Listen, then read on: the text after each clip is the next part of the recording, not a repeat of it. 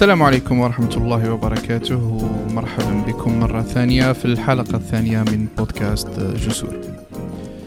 في الحقيقة يعني حسيت إنه الحلقة الأولى كانت مزروبة شوية فقلت يعني لازم ننزل بالحلقة الثانية في أقرب وقت ممكن باش نكملوا إن شاء الله في نفس الموضوع ولكن نتكلموا في تفاصيل أخرى.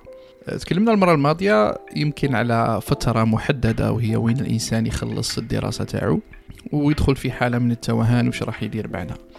ولكن هذا غير مقتصر فقط على اللي يخلص قرايته سواء خلصها في المرحلة الثانوية أو قبل المرحلة الثانوية أو حتى في المرحلة الجامعية. هذه تنطبق على أي شخص حاب يحدد طريق في حياته. لأنه الصراحة الأمر ماهوش سهل. فكرة إنه قراراتنا تحدد مصيرنا ممكن تكون فكرة تخوف شوية ممكن تكون فكرة مرعبة يعني لأنه خصوصا في مجتمعنا أو مجتمعاتنا العربية تحس إنه أي قرار تتخذه لازم يكون نهائي إنه ما عندكش الحق إنك ترجع فيه أو يكون خطأ. نعطي على سبيل المثال نفرض إنه طالب أو طالبة اختار تخصص معين في الجامعة. وبعد سنة أو سنتين اتضح أنه مش هذا هو الاختصاص اللي يحب يكمل في حياته أو ما شافش نفسه وما شافتش نفسها في الاختصاص هذا. فقرار أنه يدرس حاجة ثانية اللي هو حابها راح يكون فيه ريزيستنس راح تكون فيه مقاومة سواء من الأهل أو حتى من الأصدقاء. يبدأوا يقولوا باللي ضيعت عامين من حياتك ما يقولوش تعلمت حاجة جديدة في العمل في حياتك وإنما دائما باللغة السلبية إنك ضيعت عامين من حياتك. وأنت طبعا كمواطن صالح وموهوب راك عايش في وسط مجتمع فآرائهم أكيد يهموك وخصوصا الناس اللي قراب ليك سواء كما قلنا العائلة أو الأصدقاء. فهدو أقرب الناس ليك فآرائهم تقول كأنهم هما بالك يعرفوني ويعرفوني مليح فقاعدين يشوفوا باللي الاتجاه هذا ما يناسبنيش أو ممكن يقولوا لك على اتجاه اللي يناسبك أكثر. فأنت تدخل في حيرة من أمرك. بين إنك تتبع واش الإحساس تاعك راهو يقول لك وبين واش المجتمع راهو يقول لك. ولكنك في الأخير راح تتخذ قرار ولازم تتخذ قرار وهذا هو الموضوع اللي راح نتكلموا فيه في حلقة اليوم. أكيد كلنا نتفقوا باللي حياتنا هي مجموعة قرارات سواء اتخذنا القرارات هذه بأنفسنا أو في شخص ثاني اتخذ القرارات هذه بالنسبة لنا. فقبولنا أنه طرف ثاني يتخذ القرار بالنيابة عنا هو في حد ذاته قرار وعدم اتخاذ القرار هو أيضا قرار. فبلا ما نفلسفوا الأمور كثير لأنه هذه ماهيش دورة تدريبية من مركز أخرج الأسد الذي بداخلك في فن اتخاذ القرار راح نتكلموا ببساطة للناس كامل تفهمها. تحدثنا من قبل عن بعض الطرق اللي تقدر تعرف بها قدراتك أو ميولاتك وش حاب تدير. مثلا قلنا أنه جرب أشياء كثيرة والحاجة اللي تلقى روحك تدير فيها بسهولة أو عندك فيها متعة معينة ممكن هذا يكون مؤشر مليح على أنه لازم تركز على هذا المجال. أي درك ممكن تقول لي باللي أو دروك باللهجة الغرب الجزائري الجميلة جدا اللي عندها معزة خاصة في قلبي.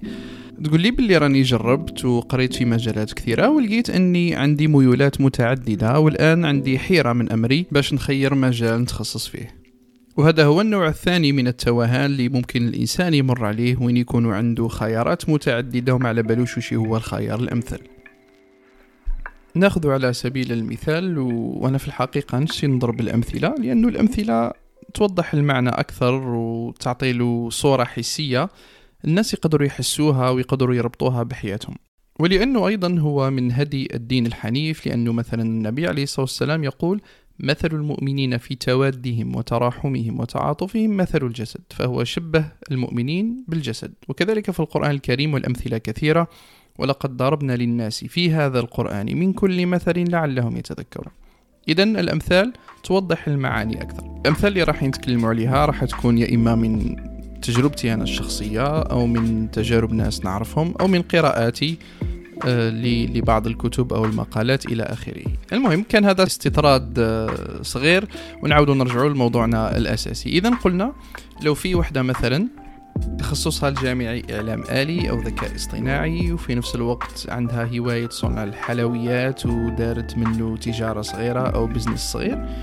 إضافة مثلا إلى الخياطة أو ال graphic design أو التصميم أو التجارة الإلكترونية إلى آخره. فهي الآن عندها ثلث أو أربع أو خمس تخصصات اللي عندها شغف بيهم وحابة تديرهم لكن محتارة تختار أي مجال تعطي له أغلب وقتها. لأنه في النهاية ما كانش وقت كافي باه تدير خمس أو ست أو سبع مجالات أو تخصصات في نفس الوقت. فلازم تركز على واحد والثانيين ممكن تديرهم في الجنب ولا بنسبة أقل وتعطيهم وقت أقل. أول خطوة لازم تعملها في هذه الحالة هي معرفة متطلبات المرحلة اللي عايشة فيها. كل مرحلة من حياتنا عندها متطلبات مختلفة. فإذا كانت المرحلة هذه هي مرحلة تكوين النفس من ناحية المهارات والخبرة العملية والناحية المادية أيضا فهي راح تركز على تخصص الدراسة تاعها اللي كما قلنا هو إعلام آلي لأنه راح تطور به مهاراتها وراح تكون عندها خبرة في سوق العمل وراح يكون عندها عائد مادي في شكل أجر أو مرتب. المجالات الأخرى اللي تحب تديرها راح تكون ثانوية. راح تعطيها وقت الثانوي. مثلا بعد نهاية الدوام راح تخصص شوية وقت تدير فيه حلويات أو كذا وتحاول تسوقهم في الإنترنت وتبيعهم. وحتى في نهاية الأسبوع أيضا يكون عندها شوية وقت فهي تستثمر في الهوايات آه، الثانية. وعلاش قلت أنا باللي متطلبات المرحلة أو معرفة متطلبات المرحلة مهم جدا؟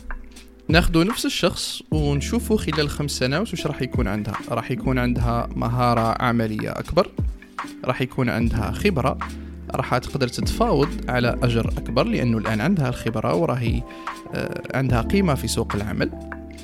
إضافة إلى الهواية اللي كانت تديرها في أوقات الفراغ راح تكون تطورت وممكن راح تدخل لها دخل أيضا آه، ثانوي إضافة إلى الأجر تاعها. خلال الخمس سنوات هذه لو قررت مثلا أنها تكون أسرة وحابة تدي شوية وقت آه، خاص آه، بعيدا عن العمل. الهوايات هذه وهذه مرحلة جديدة راهي دخلت فيها والمتطلبات تاعها أيضا تغيرت. فالهوايات هذه راح تضمن لها نفس الدخل من المال فالناحية المادية تاعها مش راح تتقاس بزاف. وفي نفس الوقت هي قاعدة تدير في حاجة تحبها وهي صناعة الحلويات وبيعها من المنزل. إضافة أنه آه راح تكون مع الأسرة تاعها وتعطيهم وقت أكبر. إذا كان هذا هو هدفها. إذا معرفة متطلبات المرحلة اللي رانا عايشين فيها مهم وأساسي ورئيسي باش نتاخدو قرار كي اللي عندنا خيارات مختلفة. وطبعا كل واحد أو وحدة لازم يجلس مع نفسه ويشوف آه، المرحلة اللي راهو عايش فيها والمتطلبات تاعها ويتخذ القرار على هذا الأساس. والشيء الآخر اللي تعطيه لك معرفة متطلبات المرحلة اللي هو الشجاعة في اتخاذ القرار لأنه إحساس أنك متورط في قرار راح يزول. لأنه أنت عارف المرحلة هذه لازم تاخذ القرار هذا لأنه يناسب المرحلة هذه. فما تحسش نفسك أنه أوكي القرار هذا راح يبقى معايا آه، حياتي بكل أو لمدة زمنية آه، طويلة. أنت عارف المرحلة هذه عندها مدة زمنية وراح تنتهي وراح تدخل في مرحلة أخرى اللي عندها متطلبات أخرى فراح تكون عندك شجاعة أكثر لاتخاذ القرار. وأنت طبعا الشجاعة هذه راح تحتاجها لأنه آه، عملية اتخاذ القرار لا تكاد تخلو من الخوف من العواقب. إنه راح يجيك إحساس وماذا لو القرار هذا ما كانش مناسب أو كانت عنده آه، عواقب أنا ما كنتش نتوقعها إلى آخره. هذا إحساس طبيعي راح يجي مع أي عملية اتخاذ قرار. ولكن باش نتغلبوا عليه آه، من حيث يعني آه، أو من خلال خبرتي الشخصية إنه دائما الإنسان يحط بلان بي أو خطة بديلة أو قرار بديل راح يتاخذه في حالة ما القرار الأول ما مشاش مليح أو كانت عنده عواقب ما كانش يتوقعها لأنه في الأخير هذه آه، دنيا. يعني ممكن كاين حوايج أنت ما تقدرش تتحكم فيهم وقادرين يصراو فلازم دائما يكون عندك خطة بديلة أو قرار بديل تقدر ترجع له في حال الضروره وهنا أستشهد بقول المتنبي آه، ما كل ما يتمنى المرء يدركه تأتي الرياح بما لا تشتهي السفن. فهذا البيت يعني بليغ جدا. وهو يعني أن ظروف الحياة قد تأتي عكس ما يتمنى الإنسان. ولعل المثال الحي اللي شفناه كلنا هو جائحة كورونا. اللي جات آه، واحد ما كان مخطط لها واحد ما كان حطها في الحساب ولكنها آه، قلبت العالم وقلبت حياتنا وتفكيرنا وكل حاجة يعني. الحاجة الثانية اللي راح تسهل لك عملية اتخاذ القرار أو ممكن أيضا تعطيك الشجاعة هي معرفة أنه الحياة ما هيش نسخة طبق الأصل من حياة ناس ثانيين مثلا حياتك أنت وحياتك انت ماشي لازم تكون نسخة, نسخة طبق الأصل من حياة آه، والديك أو آه، إخوانك أو أخواتك أو أصدقائك أو المجتمع أنت اللي عايش فيه. آه، الإنسان يعني أكيد يستشير الناس اللي يحبهم واللي يتمنوا له الخير و... ويستفاد من تجارب الآخرين سواء الإيجابية أو السلبية. ولكن في الأخير هذه رحلته في الحياة. هو اللي راح يعيشها. فيعيشها بتوقعاته هو يعني ماشي إرضاء للمجتمع أو إرضاء لناس معينة. وباش تتجنب الأمر هذا لازم تكون واعي آه، بشيئين مهمين. أول حاجة اللي هي social validation أو التحقق الاجتماعي. والحاجة الثانية اللي هي ال pleasing personality أو الشخصية الإرضائية. ال social validation هو إحنا عندنا كاع هذه ال social validation آه وين ديري حاجة ولا دير حاجة وتسني في, في المجتمع إنه يوافق عليها أو social approval آه هذه ممكن تأثر عليك في اتخاذ القرار لأنه راح تفضل آه، رأي المجتمع ولا أنت تشوف المجتمع هو ماشي بنسق homogeneous يعني متناسق؟ آه، فأنت ماكش حاب تخرج من هذا النسق. فتقول okay يعني it's okay دوك نتبع برك واش كاين في المجتمع تاعي. آه ماشي أنا اللي راح نعاود نطلع القمر ولا كل الهضرات هذه. فتفضل إنه تكون في تناسق وتناغم مع الناس اللي وراء عفوا الناس اللي معاك ولا المجتمع تاعك على إنك دير حاجة خاصة بك.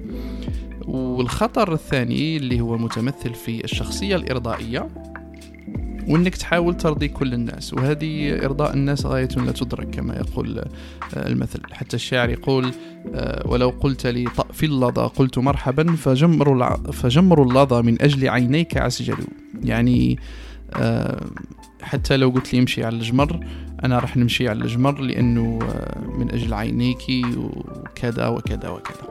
ف آه، المهم أنا عندي soft spot يعني في الشعر فخليك واعي ومدرك للنقطتين هادو. آه، اللي هما كما قلنا ال social validation وال pleasing personality قبل ما تتخذ أي قرار شوف إذا كنت أنت متخذ القرار هذا آه، فقط لإرضاء المجتمع وأنت ماكش قانع به أو تحاول ترضي أشخاص معينين حتى وإن كان آه، شغفك أو ما تريد أن تقوم به مختلف تماما عن توقعاتهم بالنسبة لك. وفي الأول والأخير الإنسان يستخير ويتوكل على ربي سبحانه ومن يتوكل على الله فهو حسبه أي من فوض أمره إلى الله كفاه ما أهمه. فإن شاء الله ربي آه، يكفينا جميع همومنا ويقضي حوائجنا وإن شاء الله نشوفكم في الحلقة القادمة. السلام عليكم ورحمة الله وبركاته.